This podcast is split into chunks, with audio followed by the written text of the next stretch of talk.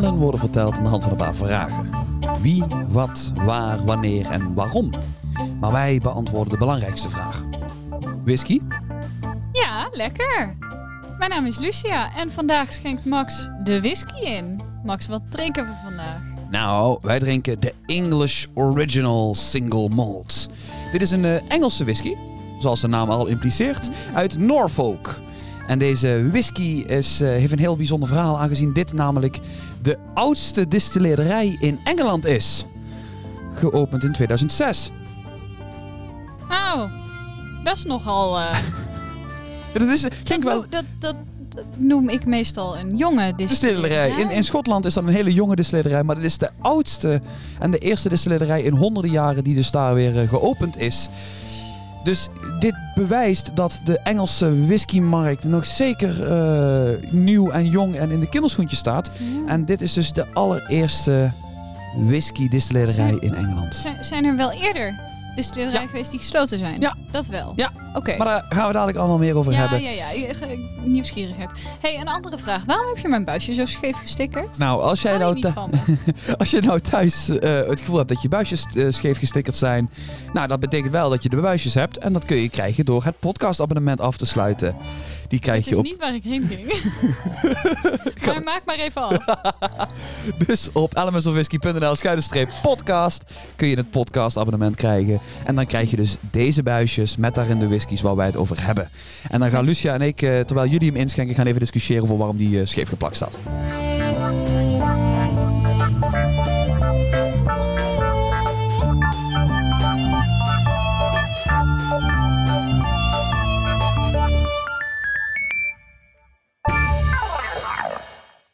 Ja, dat was een foutje. Het spijt me.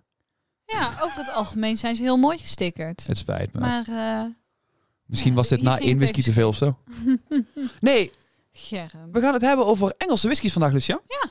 Waarom? Ehm Ja, goede vraag. goeie vraag. Eh, vind ik leuk. Goed antwoord. Dankjewel. Nee, het is... ehm, Engelse whiskies zijn eh, een beetje in, in, in opmars aan het maken. Hmm.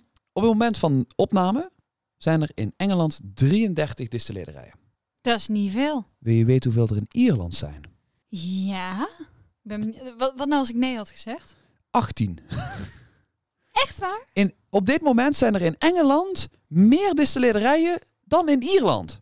Schotland gaan we niet over hebben, dat zijn er echt te maar, veel. Maar maar, maar, maar, maar, maar- Ja, oké, distillerijen. Dus alles wat onder die ene umbrella zit van... Middleton, eh, dat valt onder één distillerij. Ja, dat is allemaal één. Dus ja, oké, fair. Ja. Ja. Ja. dan heb je al heel veel merken. merken die ja. wegvallen, inderdaad. Omdat Voor de mensen in die dit dezelfde niet- distillerij zit. Ja, zij- moest even schakelen. In Ierland heb je Ja. de Milton Distillery, daar komt bijvoorbeeld Jameson, daar komt eh, Redbreast, daar komen nog heel veel andere merken komen daar vandaan. En dat zit gewoon in één gebouw. Dus Maar- dat, dat telt allemaal als één Ja. distillerij. Misschien dat dat in Engeland ook wel zo is. Nou, in Engeland Of heb je, dus, eh, heb je dus negen gebieden.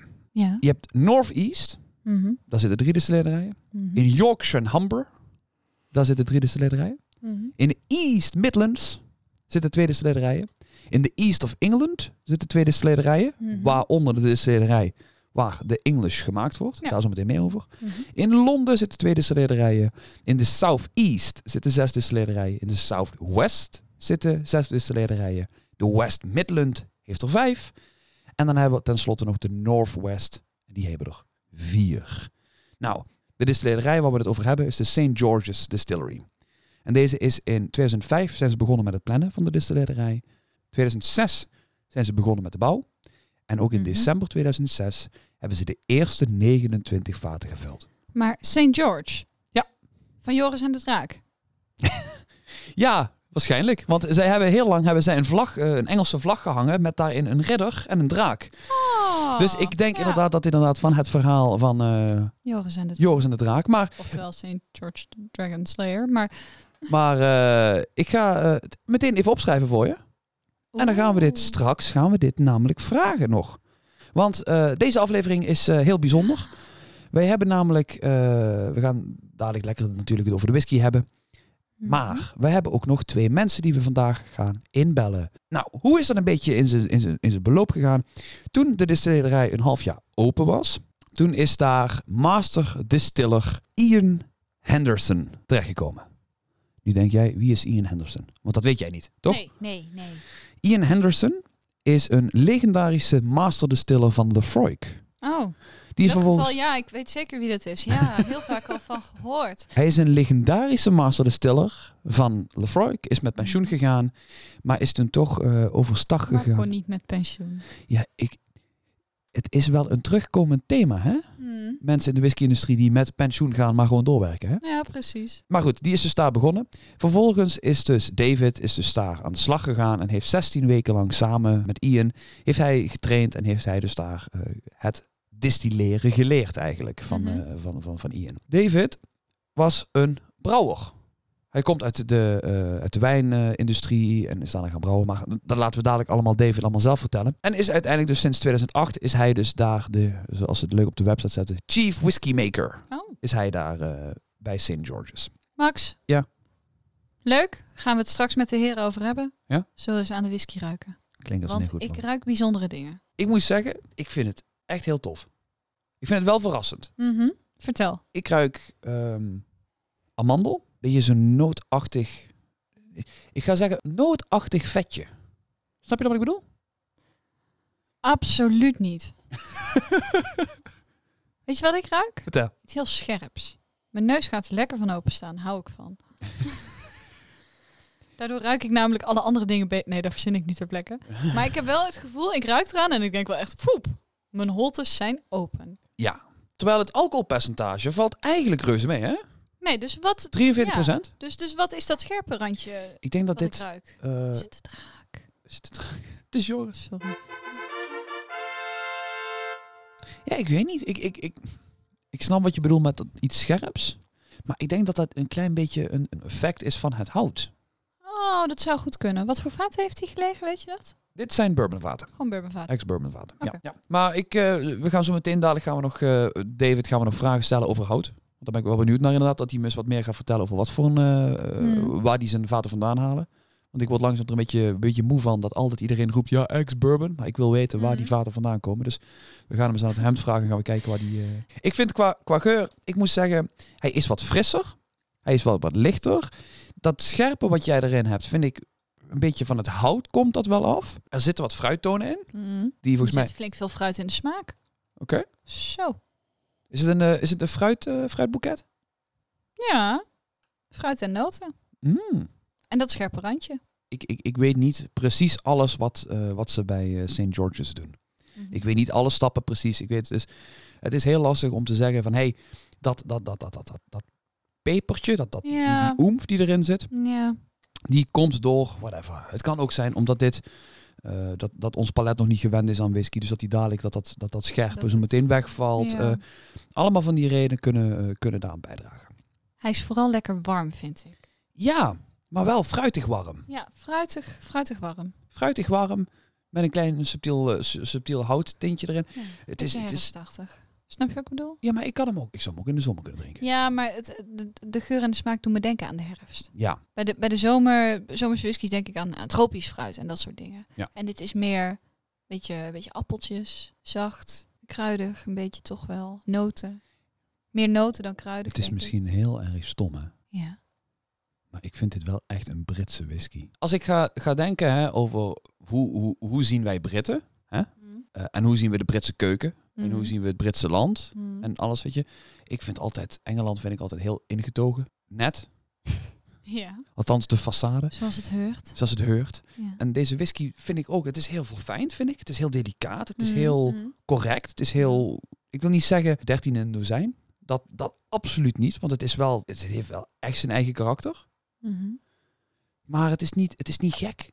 Het is niet funky. Als je gaat pakken bijvoorbeeld een, een, een, een Islay whisky, ja, die zijn extreem. Als je gaat kijken naar wat bijvoorbeeld Scandinavische distillederijen aan het doen zijn, Mhm. wat, echt- wat gek is en, en, en noem het allemaal op, vind ik dit juist heel ingetogen en juist dat, dat, dat, dat verfijnde zijn ze echt Mhm. op aan het zoeken. Dat vind ik gewoon echt heel mooi. Dus het, het, het smaakt zoals ik denk dat een Brit zou smaken. Dat is luguber en ik weet niet of we dat in onze podcast mogen verwerken. Ook eh, knip het er wel weer uit. Iets meer over de St. George Distillery. Ja. Ehm, nee, St. George's is de eerste distillery die dus geopend is in 2006. Mhm. De volgende in het rijtje van eh, jong is de Chase Distillery in 2008. 2008 is die geopend in de West Midlands.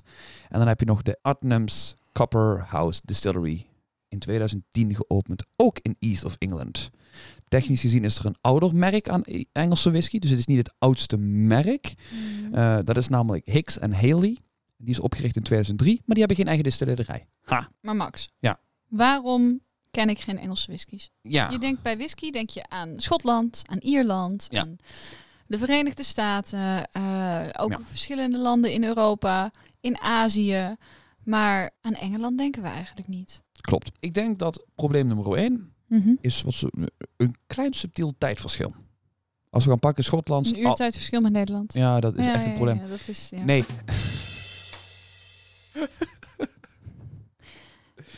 ik ga gewoon. Ik, ben, ik ben hier om grappig te zijn, toch? Ja, klopt.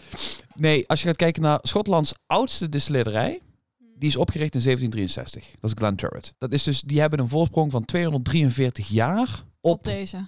op, op St. George's. Mhm. Kun, je- kunt stellen dat dit een oneerlijk voordeel is. Waarbij ook nog gezegd wordt dat de Bushmills Distillery nog ouder is. Dus Ierland en Schotland zijn zoveel jaar langer aan het distilleren. Ze hebben echt een hele rijke geschiedenis. Weet je, waar we het ook eh, in een aflevering over Prohibition over hebben gehad. Hè? Het illegaal importeren van Schotse Mm. en, en, en Ierse whiskies. Verder inderdaad een, een, een, iets wat een gebeurtenis in de geschiedenis, wat heel veel mensen vergeten, wat gewoon een enorme impact heeft, gehad op de whisky-industrie. Vroeger werd er enorm veel cognac gedronken. Totdat er opeens een bladluis was, die dus ervoor zorgde dat de gehele oogst mislukte. Waardoor er een tekort was aan cognac. En daarom zijn ze dus gaan zoeken naar een alternatief daarvoor. En zijn ze gekomen uiteindelijk bij de whisky. Dacht van, hé, hey, dit is wel een tof alternatief. En zo is dat, heeft whisky ook weer een enorme boost in populariteit gekregen. Maar ook daar zitten dan ook weer een paar grote jongens achter. Die dan de term Scotch nemen. En de term Scotch gaan, gaan marketen als dit is een, een, een Ja, ja, ja. dit is kwaliteit. Mhm. Scotch staat voor kwaliteit. In Scotch Nederland, staat voor Schotse whisky. ja, maar in de general public wordt dat Mhm. ook wel vaak eh, geassocieerd met. Ja. En die dingen hebben er wel voor gezorgd dat dus uiteindelijk Schotse whiskies, en hier als we ook gaan kijken hier in Nederland, als je een slijterij naar binnen komt met vier meter aan whisky, hoeveel daarvan zijn Ierse whiskies, hoeveel zijn daarvan Amerikaanse whiskies, hoeveel zijn wereldwhiskies Mhm. en hoeveel is Schots. Schots Ja. is altijd het meeste. Dus nee, ik zou ook op dit moment geen slijter weten die... eh, Engelse whiskies op de plank heeft staan. ja. Terwijl er wel 33 distillerijen zijn. Dus er is wel keuze. Apropos, Meer dan in Ierland. Nee. meer dan in Ierland. maar als ik daar nog ga kijken naar, eh, naar bijvoorbeeld de English. Wat zij dus hebben, ze hebben dus een original. Dat is deze. Mhm. En dan hebben ze nog een smoky. Dat zijn eigenlijk de twee die hier in Nederland ook goed verkrijgbaar zijn. De smoky is een lightly peated. Mhm. Maar eh, daar, daar zit ook nog een leuk klein trucje achter. En daar gaan we het straks nog met, met, met David over hebben. Maar, Mhm. dus ze hebben een smoky variant en een normale variant. De reden dat jij weinig Engelse whisky proeft en, en ziet en whatever... Mhm. is vooral ook omdat het dus een, een groot tijdverschil met de Schotse industrie. Maar ook omdat Engelse whisky heel vaak onder het kopje wereldwhisky verdwijnt. Wereldwhisky gebruiken we eigenlijk voor alles wat niet uit Schotland, Ierland of de Verenigde Staten komt. Pretty much. Ja, of Nederland. Dek- want wij hebben ik het dan? Ja, in- of- wij, wij, of Nederland, want we zien... Nee, ja. We zien ons eigen product ook als iets aparts. Maar Ja, ja. precies. Ja, dus dat is wat wij in Nederland zien als een wereldwhisky. Mhm. Zijn daar voordelen bij? Van een, eh, van Voor- een Engelse whisky zijn Voor, ja, voor, voor het productieproces bijvoorbeeld? In principe, Schotland moet zich houden aan de wetgeving rondom whisky van de EU. Maar de Scotch Whisky Association Ja. de SWA, stelt extra regels. Het Ja. verhaal een whisky moet rijpen in eikenhout Is Schots. is puur Schots. Ja, dat weet ik. Dus eh, als je dat al gaat, gaat, gaat weghalen. Voorbeelden van, van Engelse experimenten die op dit moment gedaan worden met verschillende soorten hout. Bijvoorbeeld eh, kastanjehout, essenhouten vaten, acacia. Acacia? Aca- aca- eh, acacia? Ik ken het niet. En een houtsoort waar ik nog nooit van gehoord heb. Moerbei. Die ken ik wel. Ja? Mooi bij boom. Ja. Mo- Een moerbeiboom. Ja. Nog nooit van gehoord. Ook nog nooit gezien volgens mij. Ehm, en ook verschillende andere soorten sherry, port en cognacvaten die dus niet Mhm. op eikenhouten vaten hebben. Dat mogen zij gebruiken. Andere dingen is bijvoorbeeld in Schotland moet een single malt gemaakt worden in een koperen potstil. Oké. Dat moet. Ja. Engeland hoeft dat niet. Dus Engeland kan bijvoorbeeld een, eh, een, een single malt maken Mhm. in bijvoorbeeld een kalmstil. Ah, oké. drie Ik was meer over het stukje koper aan het nadenken. Ja, nee, ja, goed, stainless Ja, steel zou ja, ook nog... je, zou in principe in Engeland een stainless steel eh pot stil kunnen maken. Mhm. Ik weet niet wat, eh, of, of dat positieve effecten zal Weet hebben. ik Maar, ook niet. maar wat ook kan, zijn column runs. En wat zijn column runs? Column runs zijn, is een bepaalde methode van distilleren die heel vaak gebruikt wordt bij brandy, oftewel brandewijn. Oké. Dus ja, Engeland heeft iets meer flexibiliteit omdat ze die regels niet hebben. En dat is wel heel tof. Nou, omdat ze minder regels hebben dus, waar Ja. ze zich aan moeten houden. Ja, precies. Maar een whisky moet nog steeds minimaal drie jaar Ja, oud zijn. Dat moet ook. Eh, Minimaal 40%. Mag niks aan toegevoegd worden behalve karamelkleurstof. Oké. Dus ook, Dus ook de basisregels zijn zijn hetzelfde. Ja, precies. Ik denk dat het misschien wel leuk is om eh, David in te bellen. En eh, dat ik eh, David eens een paar, paar vraagjes ga stellen. Ja, sure. Ik ben benieuwd. Oké. David, thank you for uh, Yeah. making time to, to talk about like your job at St. George. Um, No problem. can you like you started out as a brewer at Green King, if I'm not mistaken? I did. I, I worked prior to that many years ago. I worked in the wine industry, and Okay. then I had a, a kind of some time away, and then I did other jobs, and then I eventually ended up at Greene King, and eventually I became a brewer, Uh-huh. and then I came to St George's very early on. After about six months, they'd been they'd been distilling for about six months, and I came in. Okay. Uh, I've been here ever since, so fourteen years. As a distiller, it's like continuing the job that you do as a brewer. Can, does it help you? Does this basic as this basic understanding of like brewing a beer compared to distilling a whiskey? Yes, I think so. Over the past few years, we've made some grain whiskies, Mhm. and one of the grain whiskies we made was definitely based on my brewing experience. Okay. And I different grains and kind of played around and wondered what would happen if we distilled whiskey from it. Mhm. So yeah, for sure. I mean, it was you can take that experience and bring it in. Mhm. You don't want to get rid of the experience of the whiskey industry, but can you innovate? Can you do different things? And, and can you kind of push the boundaries a little bit? And, and yeah, you can do that for sure. I'm really interested in like staying true to to tradition because like when I listen uh, to interviews with with you and with like Andrew, you are very keen on like the Scottish traditional style of distilling, right? Yeah, I think so. I think um, when when Andrew and his father set the business up, they wanted very much to create a whiskey distillery. You know, lots of Okay. lots of startups now. You know, for fairly obvious reasons, and I completely get it.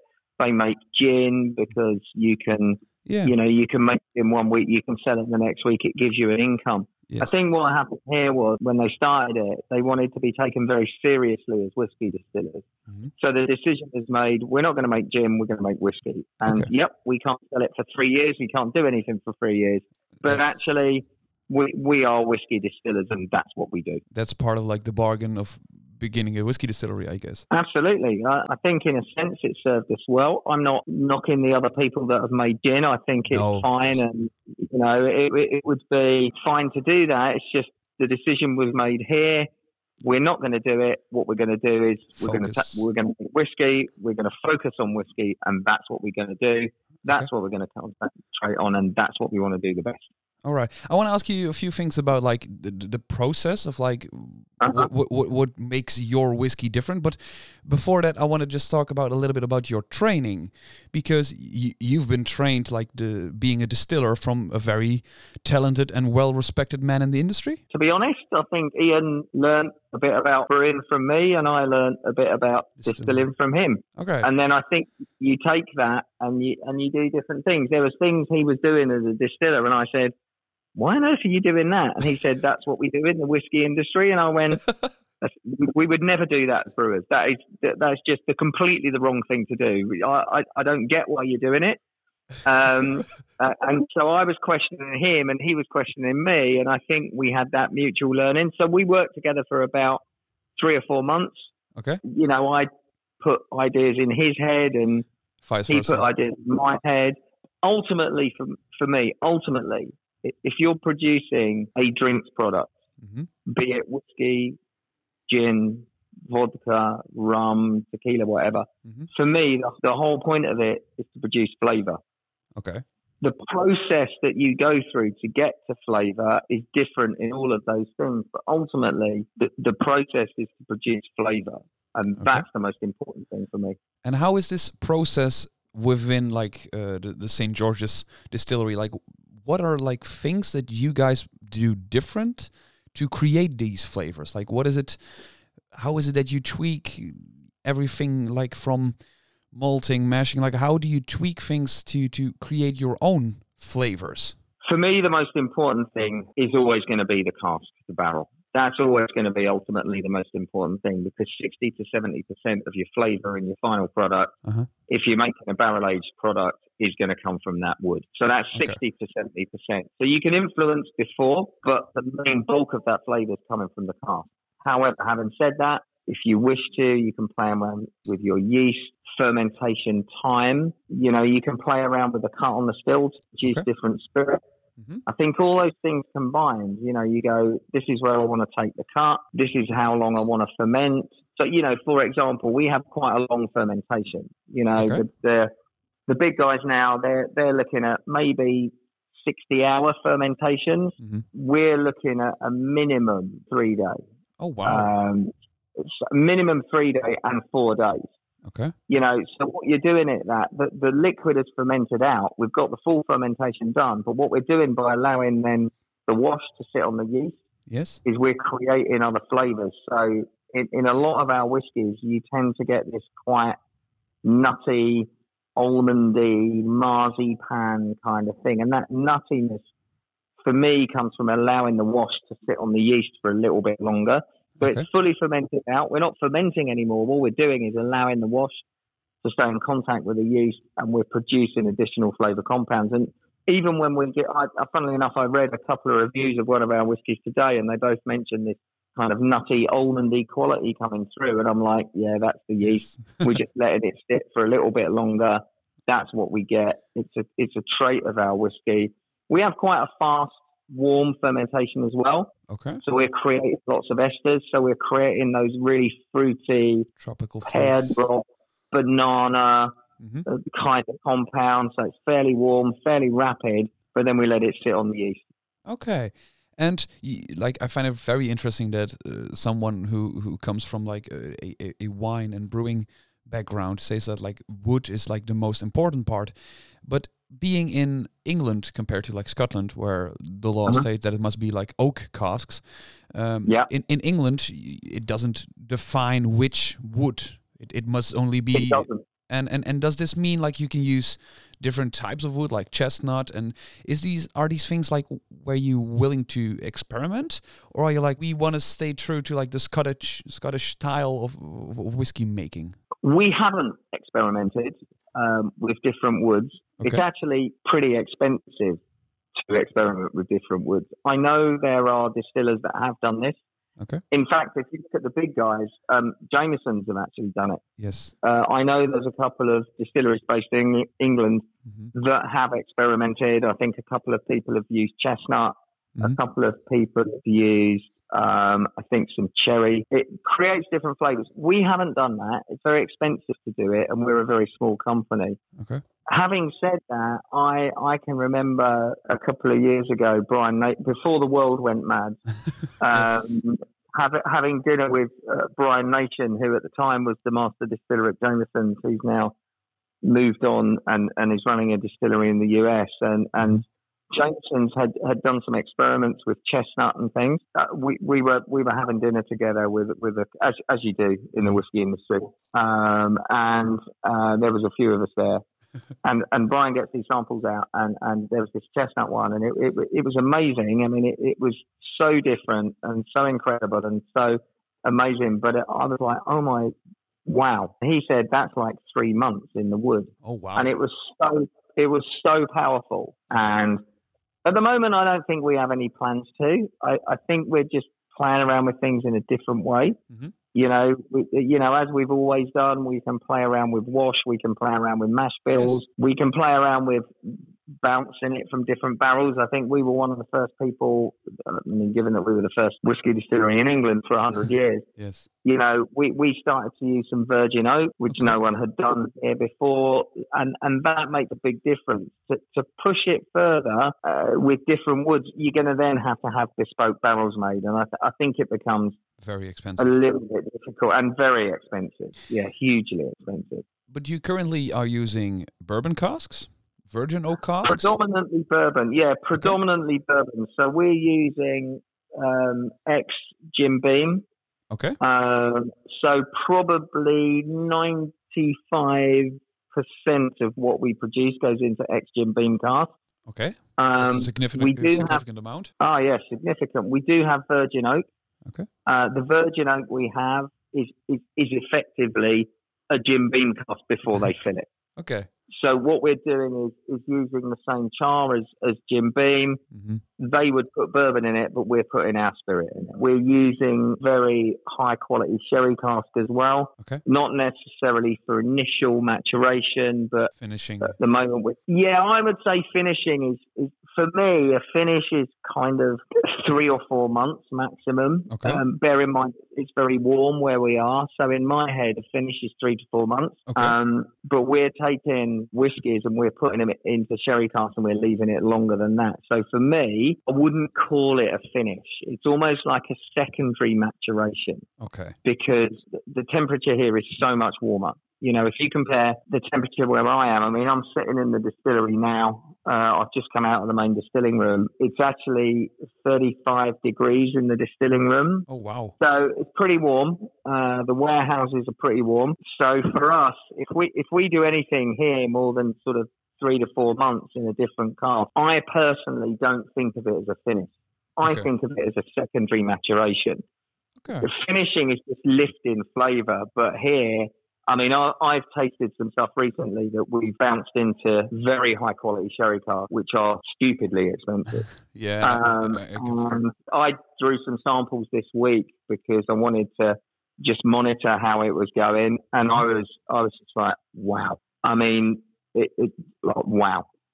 It's like nothing we've produced before. The liquid was incredible. That, that's both peated and unpeated because we make both peated and Yes. unpeated whiskey here. I'm currently uh, enjoying like the smoky version uh, you guys Okay. produce. So uh, I'm I'm, Okay. I'm currently enjoying like pretty much both of them. So I'm having best of both Okay. worlds. I mean, it, it's effectively the smoky is is the sort of sister whiskey to the original. It, it's the only difference is it, we don't change anything in the production process between those two whiskies, apart from the fact that we use peat smoked barley for the smoky and we use unpeated for the original.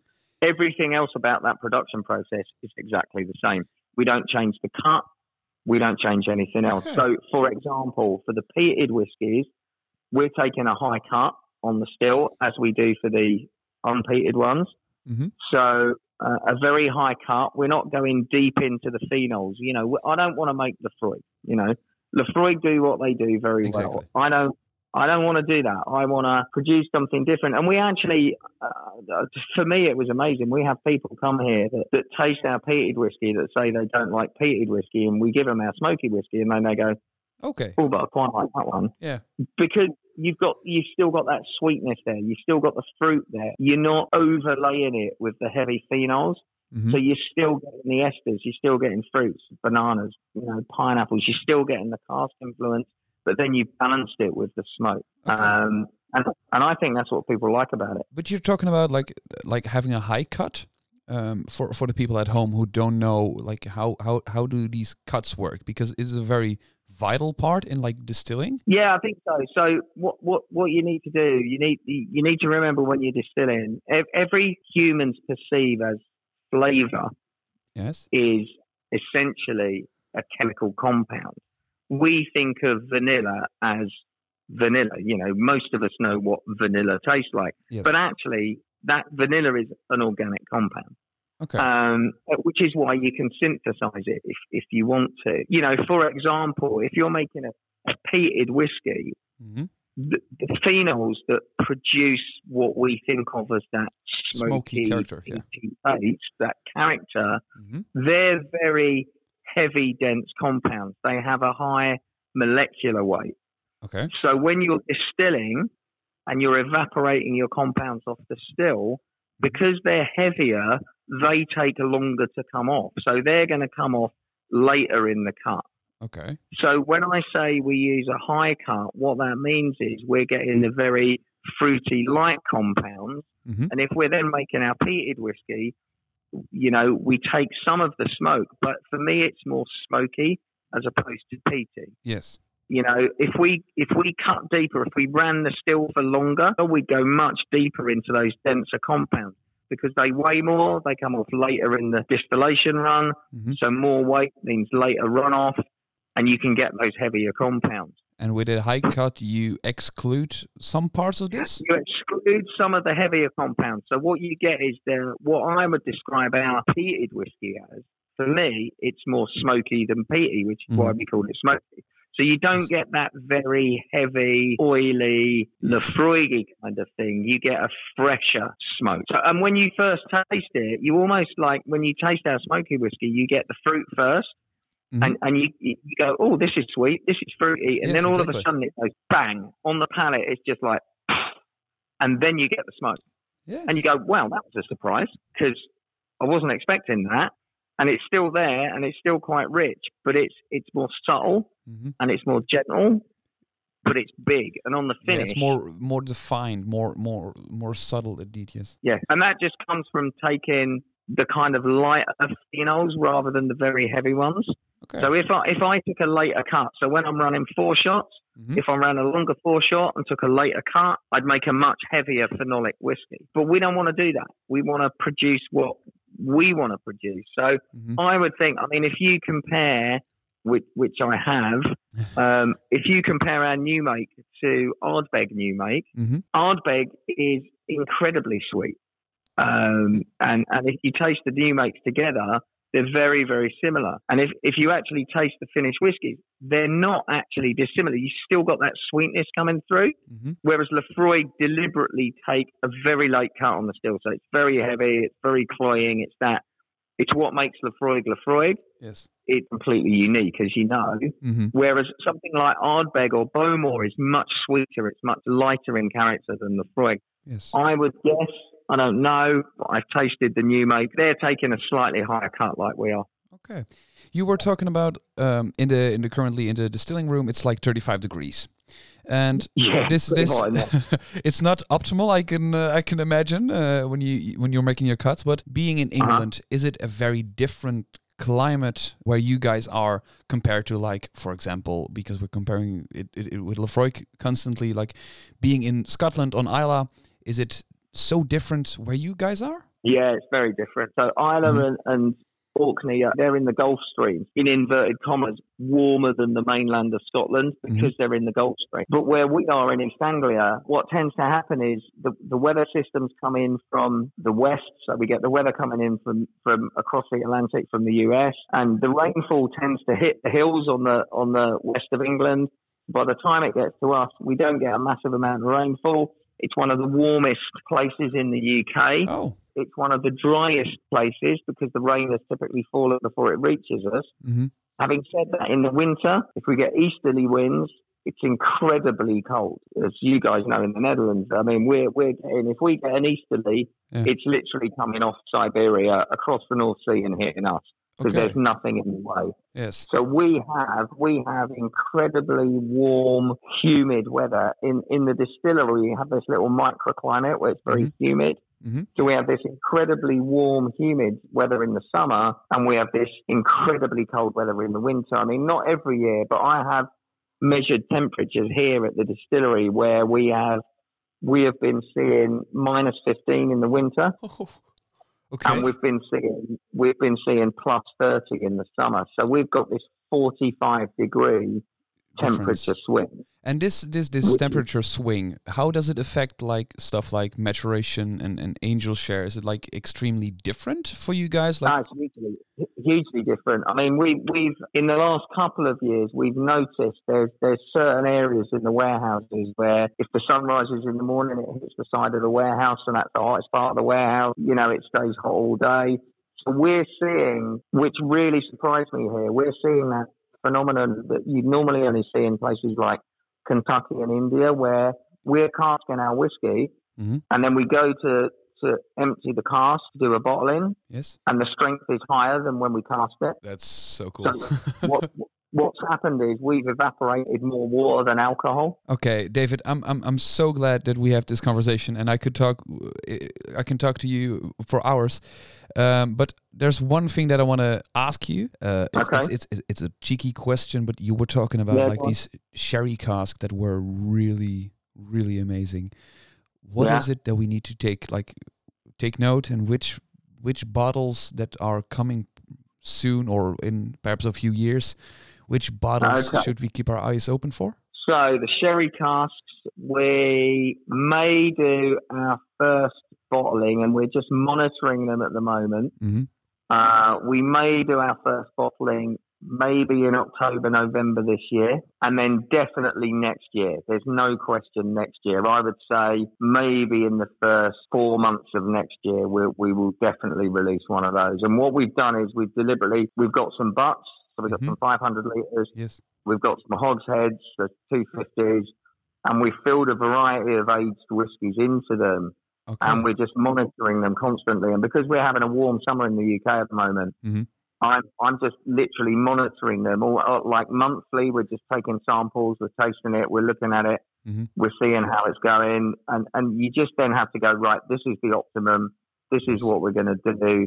And this is when we're going to do it. I mean, I, I, I have to be honest. A couple of years ago, I, I really hated sherry mature whiskey um, to be honest with you, I, I just they were just they were too big, Mhm, too bold. bold, Yes. too dry. It just wasn't my style. Mhm. Um, I understand why people like them, and and I'm not, to be honest, a massive fan of peated whiskey. Mhm. I I understand what people like about it.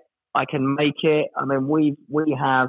I mean, when we you know, we, we sell our whiskey to independent bottlers as well, and, and Okay. you know, Cadenheads buy it. You know, really Big high names. quality producers. So Cadenheads will will take our whiskey.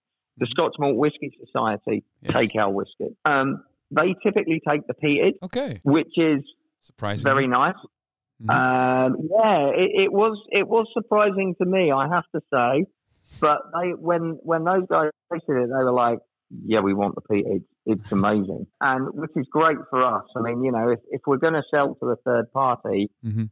we want to be selling to, to the guys that really understand what they're talking about. So for us to get the Cadenhead Scotch Malt Whisky Society is is is it, it, it, it's almost like it's a recognition of what you do, Mhm. but it was just like, right, okay, you want the peated? Okay. You, Sure. you sure you don't want to go to Islay? no, we want yours. It's amazing. um, so it, it was it was just it was quite a strange thing, but it, it's amazing. Mhm. I'm I'm not a massive fan of peat. I don't mind it. I'm not a massive fan, but I understand what people like. Yes.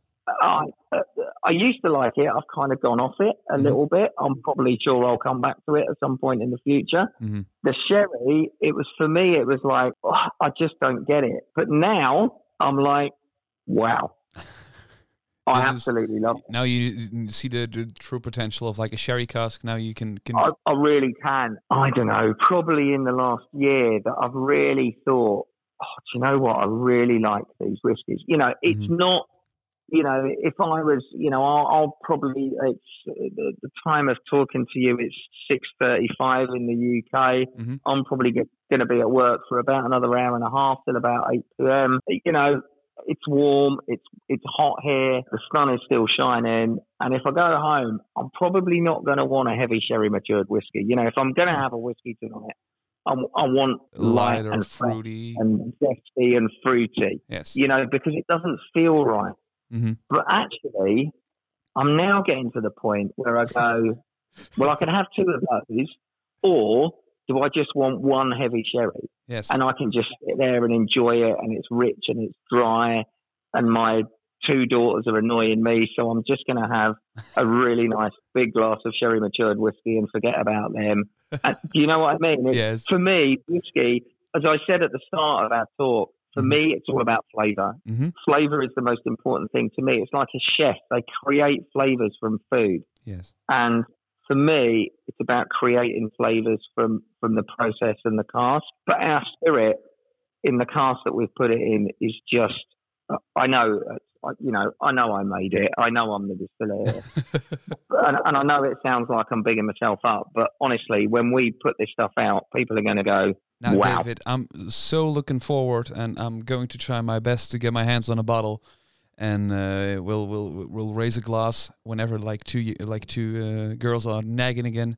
Then we'll just have a very very bold glass of uh, sherry influenced English. Thank you so much for your time. Um, "You're so welcome." and we are going back to Lucia because we are talking a little bit more about your whiskey, more about the region where you guys are distilling, and we are going Okay. to have a chat with Andrew and see what his thoughts are. So, lots to look forward. Um, that that's fantastic. Just say um, to your listeners on your podcast, Yes, thanks for listening. Um, keep on drinking the whiskey.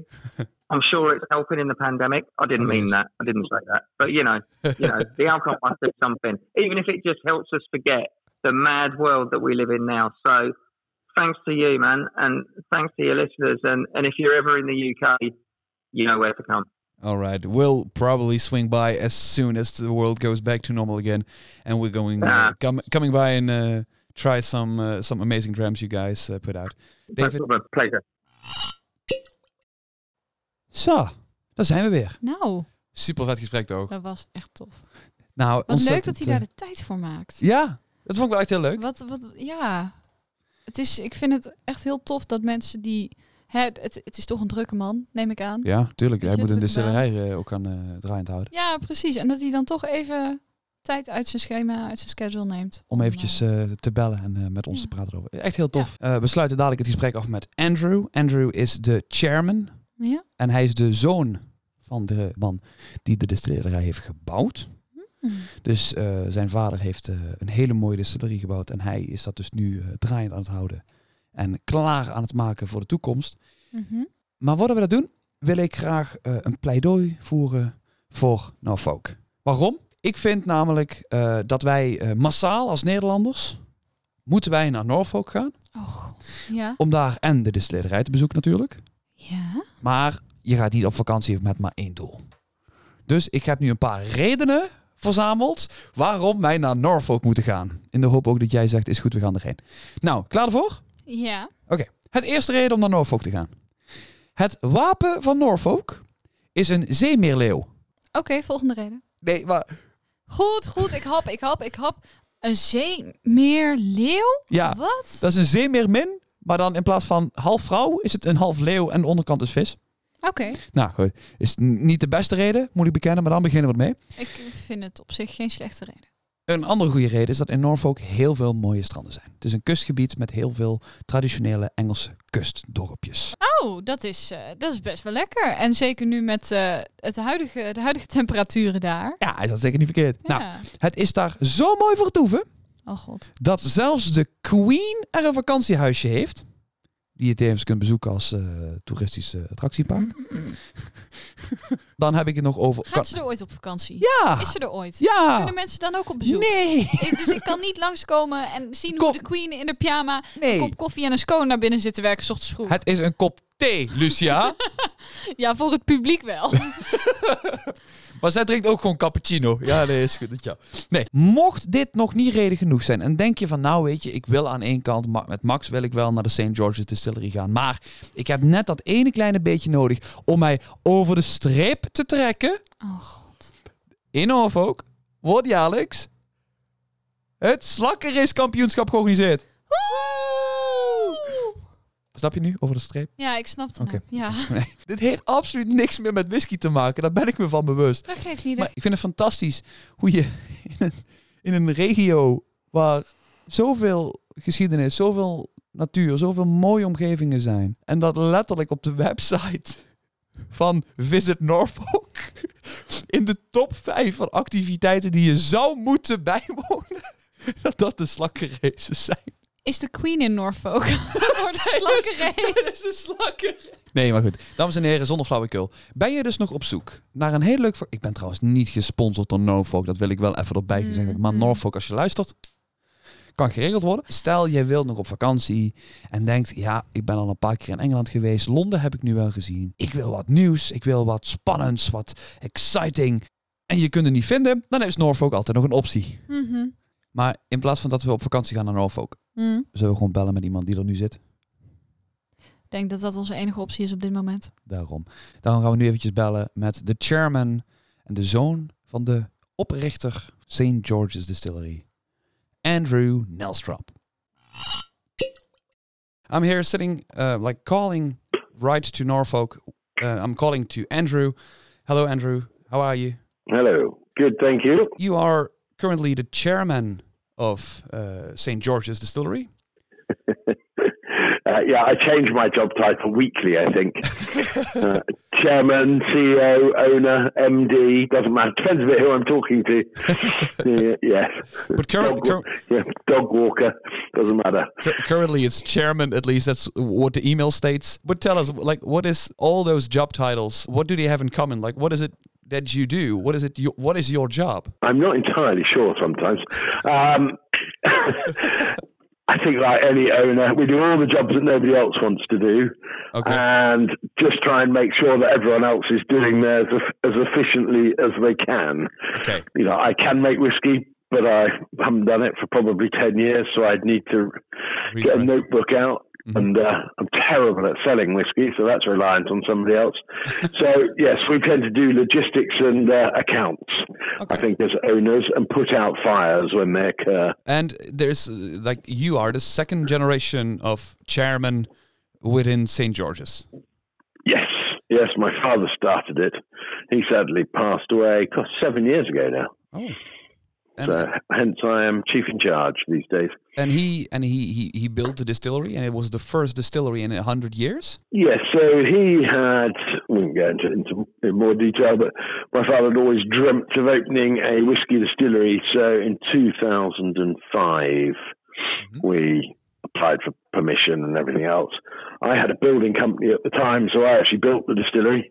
okay Um, so we didn't need to get anyone else involved. My father was always an ideas man, so in practice from day one I ran it okay um, and left the ideas and the company. innovation and that sort of thing Mhm. to him, which is, yeah, that's the fun part. When you're retired or retiring, yes you know, he wanted to do it because of, he wanted to make the whiskies he liked and he was like, liked sort of spending time in the warehouse sampling things and Mhm. just coming up with new ideas. You know, didn't want to spend his retirement worrying about accounts and Mhm. the boring stuff. So oh I suppose I have done that since day one, really. Okay. He was more the, the, the innovational person behind the distillery. I think I think all through his life he was he was an ideas person. You know, he, he did a lot of different. We moved where he lived and where he farmed and the jobs he did a lot over his life from farming in Australia and Russia and England, um, doing all sorts of things. So fantastically full of ideas and enthusiastic. So when he set off to do a whiskey distillery, it was done out of pure passion rather than any real need to have something that he was going to sell or he didn't need the income. It was just a passion project. That is what sets us apart from others. What I was thinking, I had, um, I've talked with uh, with David about the distillery, and he said like when you guys started, you set out to be a whiskey distillery, and you didn't produce any gins or any vodkas or anything. You just focused on purely whiskey. It was a really simple decision. We, when we very first looked at it and had a chat with Customs and Excise, who are the UK's body that gives out licenses to do this Okay. distilling, etc. We had originally planned to do a very small distillery, Okay. um, and it was going to be nothing more than a lovely, tiny whiskey distillery Mhm. that would provide entertainment for my father in his retirement. Okay. Does But interestingly, unlike the rest of Europe, England at the time had a law that stated the minimum size a distillery could be. So our spirit still has to be 1,800 litres. Okay. But actually, if you run that flat out, um, that's three quarters of a million bottles a year. And that is a lot bigger than having a toy to play with in your retirement. And absolutely typical of my father, he went, fine, we'll build a proper distillery then. so, so we did. We built an, an enormous building and, uh, and it's got conference centres and shops. And in fact, David, who you spoke to earlier, uh-huh. he's got a lovely house at one end of the distillery. Oh, okay. And it's set in set in ten acres, and there's a river running through it. And yeah, very smart. There's warehousing for oh, what have you got? Nearly ten thousand casks on site. Wow. So it's it's a big setup, but we were. I think there, there are so many different ways you make that decision to open a whiskey distillery. Mm-hmm. But I, I'm still convinced that he, he only had one sort of note set down, and that was to make the very finest whiskey. That's it. There was no, we've got to do it in three years, or we've got to pay back the money in this amount of time. Mm-hmm. That was the only rule. So there was no talk of gin or vodka or anything else. And so we set off and we bought the very best equipment from Forsyths in Scotland. Mm-hmm. It yes. is all traditional in the way it works, but very modern in the way it keeps heat. We're a very environmentally friendly distillery, I suppose. Okay because of the modern heat exchangers we use and the way we save heat. Mm-hmm. But we have not done anything weird or different in the actual method of distilling. Okay. You know, the Scots have been perfecting how to make whiskey for hundreds of years. There wasn't much point yeah. trying to reinvent the wheel on that point, on the basis that our stills don't need to make any other product. Okay. So that that was the reasoning behind it all, and so, and that stayed 15 years later. That is still the only requirement of the distillery to make the very best whiskey. And what is, in, in, in your opinion, what is what defines the best whiskey? well, now nobody knows that. um, yes. I mean, in practice, we can determine to a degree that whether our spirit is right and good enough. Mm-hmm. And I think, as David told you, we make two different spirits, peated and unpeated. Yes. And then after that, it comes down to cask choice and where you're sourcing your casks, how you're going to use your casks, how you're mm-hmm. going to store them, where you're going to store them, the time you're going to put whiskey in a cask. And all of these things are different for every distillery. One of the most interesting things I've found mm-hmm. in my 15 years doing this is this way this conversation always steers because our northern friends, quite rightly, have spent generations mm-hmm. telling the world whiskey needs to be 10 years or older. Yeah. And probably they are absolutely right mm-hmm. if you've got a distillery in Speyside. Yeah. But for the rest of us, it's been quite an interesting learning curve as to what age whiskey is ready for bottling. Mm-hmm. Um, yes, we knew when we were investigating really early on that you could see a difference in the maturation rates just between Islay and Speyside. Yeah. So we knew North would be different. What we have found extraordinary is how just the position of a cask in a warehouse on the same site can make a difference. And it doesn't make a difference by a month or two, it can make a difference by a year or more. Oh wow! And so it's it's it's really interesting. It's fascinating, and if a cask is high up or low down in the warehouse, can also make a uh, difference. A cask that's high up has more interest on the nose, mm-hmm. whereas a cask that's low down has more interest on the palate. You waffle about this subject because there is no answer to your question. what makes a perfect whiskey? In our world, all we can do is dedicate exactly what is needed mm-hmm. to ensure that our whiskey is as good as it gets. Biggest thing in that is it cannot be rushed. Yes. And that is one of the reasons we have never gone out to investors. You know, we have no bank borrowings, we have no outside investors, and that's been really deliberate. Nobody can go, "Oh, I want my money back now," because you know no it might involved. be thirty. Yeah, it might be thirty years before we want to sell that whiskey or yes. do that project. And so, and that's I think that's where we really are set apart from the majority of uh, other distilleries. Yeah, I find it interesting that a um, a whiskey needs time to to develop. This approach gives you time to to steer by and learn from everything that you experience. meaning that you Yes. that you don't are depending on investors and stuff. But you seeing like these hotspots in, in in like the warehousing, like are you guys also using this to your advantage? Because I talked with David about he, he explained that there were some casks that actually increase in alcohol volume. Yeah, once again, we're on where in the warehouse. I think not as much as people would expect us to. Um, you know, if you get to the point where you are starting, if you have 4,000 casks in the shed, hmm there aren't enough hours or people in a day to literally start moving Yes. Casks around and changing their position, etc. So what you tend to do is you put your casks in the shed, and then the vast majority of what we sell are single malt whiskies, hmm and therefore they are a vatting of multiple casks. Yes. And so it's David's skill set to be able to take those different casks from different places, blend them together to make the single malt we are trying to achieve. It's a very different skill set to only selling, say, single cask whiskies, Yes. where you could take two casks made on the same day, the liquid put in the same oak, left for exactly the same period of time, and be left with two entirely different whiskies by picking them from different parts of the warehouse. Yeah. And we do do that occasionally with our single cask releases. hmm But of course, the majority of what we do is single malts. So you tend to use the variations in the warehouse Sure. and in the cask types To, to create to the vatting we are looking for.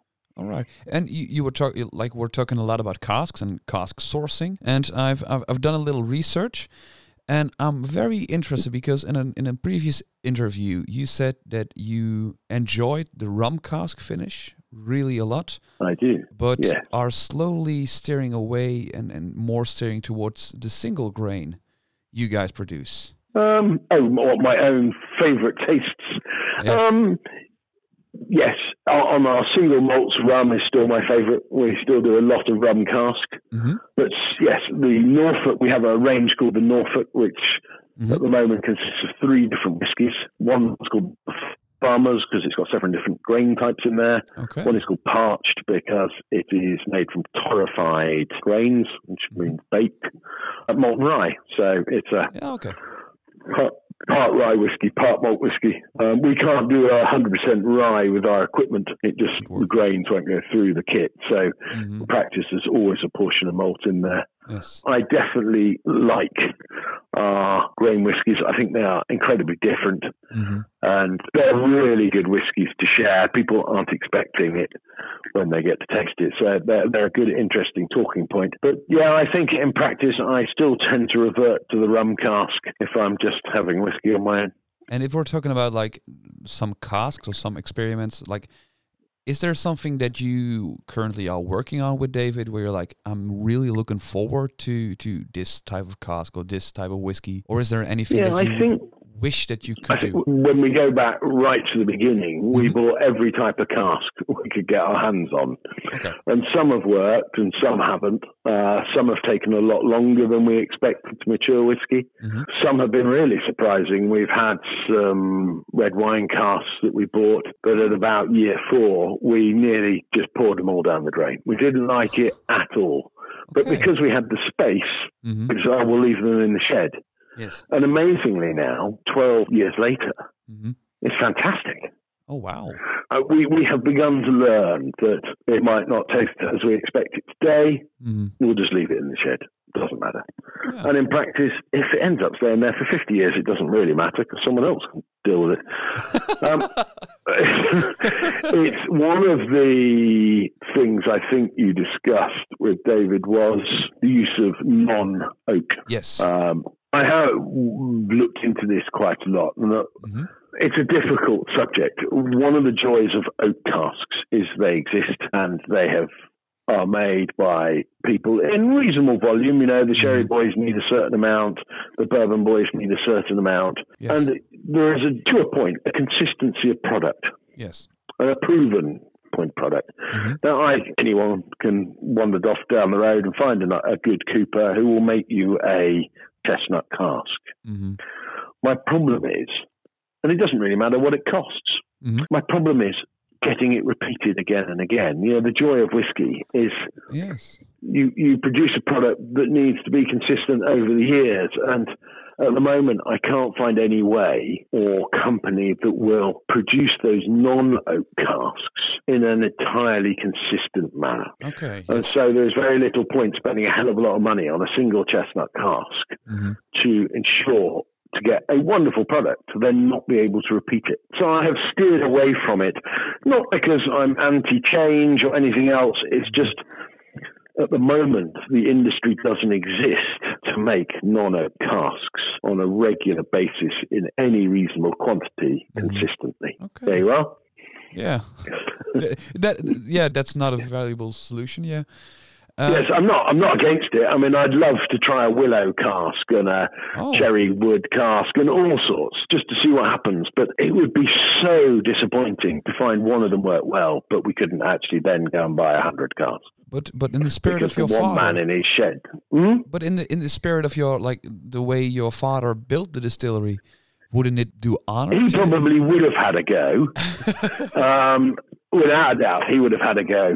Yes. And then when he couldn't have found, couldn't get hold of a hundred of the one that worked, he would have moved on and done something else. yes. Whereas now that I've got to run it and make sure there's whiskey there for the next generation, Mhm. I need to ensure whatever we do can and do well can be repeated again and again, Mhm. and therefore we Isn't- concentrate on the things we can control. You were talking about like if a cask wouldn't, or like when whenever a whiskey doesn't turn out the way you expect it, you can just leave them in the shed for another fifty years and just leave Yeah. it be for next generation to to make it their problem. There won't be much left.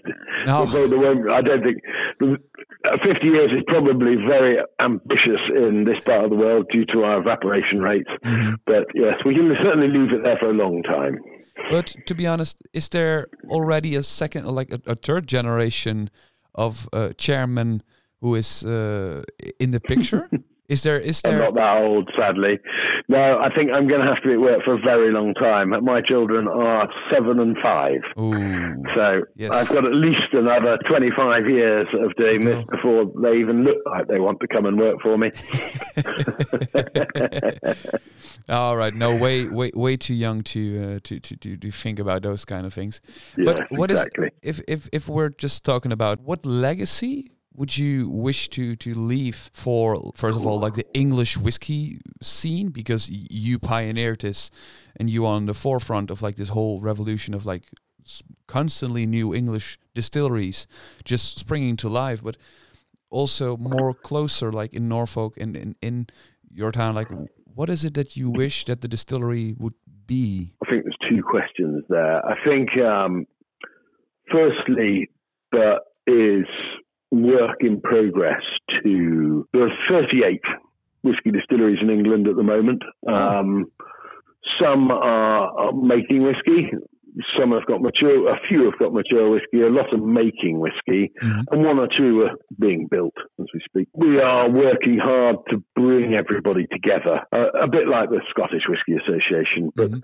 I think over the course of the next 12 months, Mhm. we will have something that we can show the world. And one of the joys of being one of the founders of English whiskey, I suppose, Mhm. uh, is being involved with that. And everybody has different ideas. And one of the interesting things is if you go to Scotland, because it's the easy one, for example, Mhm. you find similar things going on in similar regions. Interestingly, England, because we are relatively new, we aren't seeing a consistency in the type of equipment, and we're not seeing a consistency necessarily in the flavor profiles that are being made. Mhm. But we are all working very hard together to try and get some consistency in the quality of the product being made. Okay. We think that is terribly important. So that's coming together nicely. And I, I think, if nothing else, my father's legacy is already set because there are now 38 distilleries Yes. around him. And so that sort of historic legacy has been formed and done, and that must be a. Yeah, if you were alive, I think you'd be terribly proud. Mhm. The other bit, the, the more, the closer legacy Mhm. of what do I leave for family or what about you do your best, don't you? The deal is that you're meant to leave the company in better health than you found it. Yes. But so we shall. Uh, at the moment, we're all right. That's so great. we'll see what happens in 30 years' time. And, and and maybe we'll find an old wine cask stuck away in the shed. Well, I think when I retire, Yes. I might pay the duty on a few casks and just bring them home. That's the secret. We had a lovely chap who lived in the next village, Uh-huh. but he used to have whole casks of Glenfarclas down in his cellar. Oh wow. Okay. Um, and when one ran out, he would go and get another one. And they wouldn't. There was no, um, what's the word? There was no being precious about it. He would tap it off into Grolsch bottles, you know, with the flip top. Yes. There'd be lemonade bottles again with that similar sort of flip top. So if you pop round for a drink, this this stuff would get poured out of anything at all different strengths, um, you know, and but fantastic. I think that's if anyone has the ch- the chance and can afford it, that's what we should all do. We should all have a cask at home that we can just you know tap off whenever we feel we need another bottle. To be to be honest, I, I imagine that if I would have a cask of whiskey in my kitchen, uh, I would make a lot of friends really quickly. That's uh, the first thing that I, I, I imagine happening. I'd be fine with my rum cask of whiskey. Be very happy. That would do. Keep me going. All right. Yeah.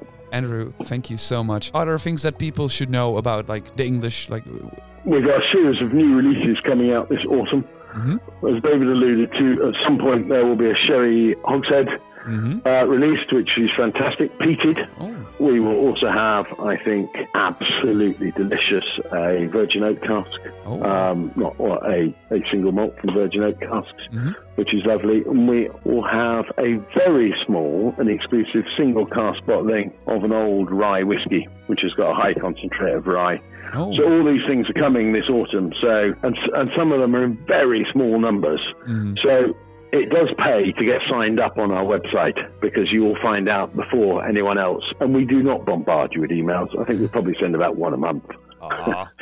So it's uh, it's well worth being signed up because these bottlings come and go very quickly. But uh, hopefully your listeners will get a chance to try some of them. If you want to get information sent to you once a month, something like that, you can go to englishwhisky.co.uk to sign up. So that's the website where Yep. people can visit. I'm looking forward to uh, to to try the the sherry cask because if you are so enthusiastic about it, and David uh, and everyone I talked about with is so excited about it, it is something that we here in the Netherlands should try. To be good.